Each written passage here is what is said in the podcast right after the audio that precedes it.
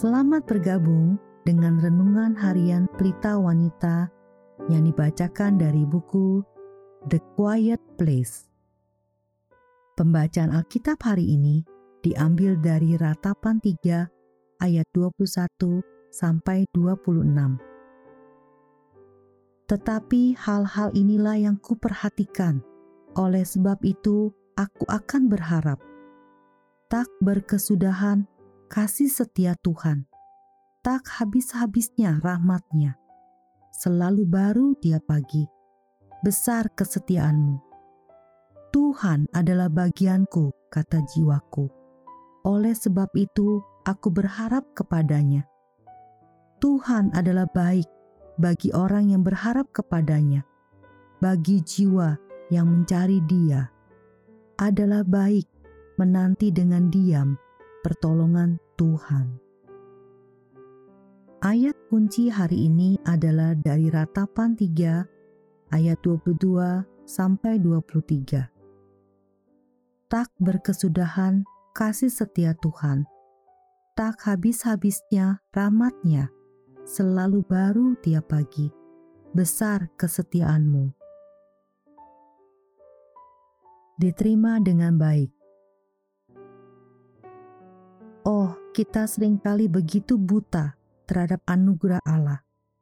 Begitu cepatnya kita lupa bahwa belas kasihnya yang baru setiap pagi bukanlah anugerah yang pantas kita terima. Itu semua adalah anugerah yang diberikan oleh tangannya yang penuh kasih kepada makhluk-makhluk ciptaan yang berdosa, yang tidak memiliki hak untuk mengharapkan pemeliharaan, dan perhatian yang setia dari Dia yang begitu murni dan suci.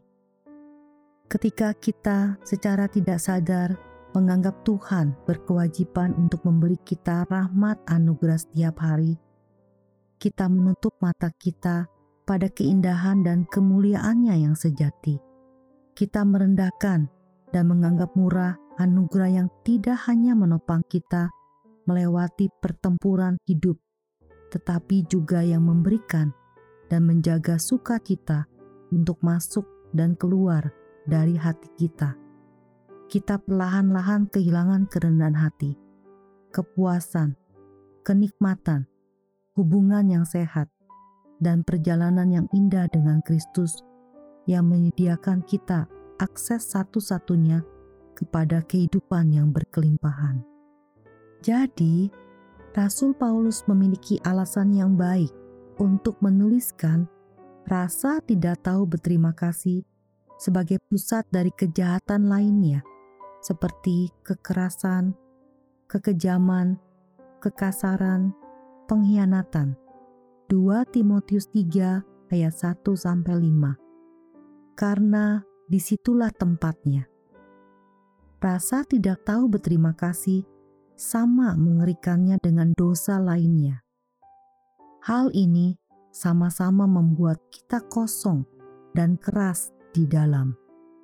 Namun, bagaimanapun kuatnya pengaruh yang diberikan oleh rasa tidak tahu berterima kasih, ketika kita menggantinya dengan lawannya, yaitu ketika kita memalingkan hati kita kepada Allah dengan rasa terima kasih yang tulus sejumlah dosa lain pasti akan terlepas juga dari kehidupan kita. Seperti yang dikatakan Paulus, demikian juga perkataan yang kotor, yang kosong, atau yang sembrono, karena hal-hal ini tidak pantas, tetapi sebaliknya, ucapkanlah syukur. Efesus 5 ayat 4 Karena ketika rasa syukur itu kembali, ia akan membawa kehadiran berkat dan keindahan kekudusan. Sebagai penutup, mari kita renungkan pernyataan ini. Luangkan beberapa saat untuk memikirkan dan menghitung rahmat dan belas kasihannya yang telah Anda terima darinya sejak Anda bangun pagi hari ini.